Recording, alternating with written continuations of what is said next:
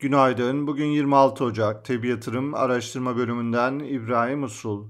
Yurt dışı borsalar hafta ortasındaki satışlardan sonra bugün daha olumlu.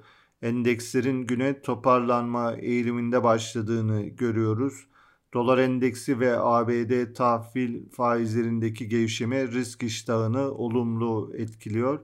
Dün zayıf kapanışlar gördüğümüz Amerikan endeksleri vadeli tarafta güne yukarıda başladı. Çin, Hindistan, Tayvan piyasaları bugün kapalı. Asya tarafında açık olan piyasalar genelde pozitif.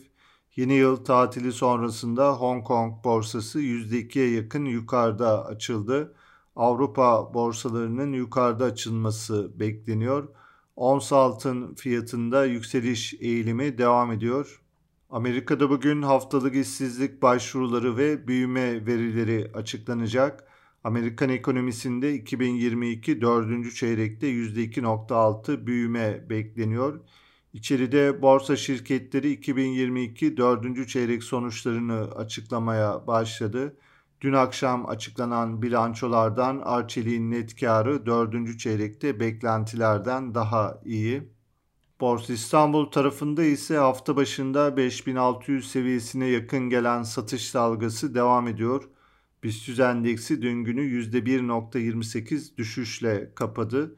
Kısa vadeli göstergeler dikkate alındığında hafta başından beri etkili olan satışların sonrasında Borsa İstanbul'un bugün güne hafif yukarıda başlaması beklenebilir. BIST endeksinde kritik direnç olarak 5600 seviyesini izlemeye devam ediyoruz.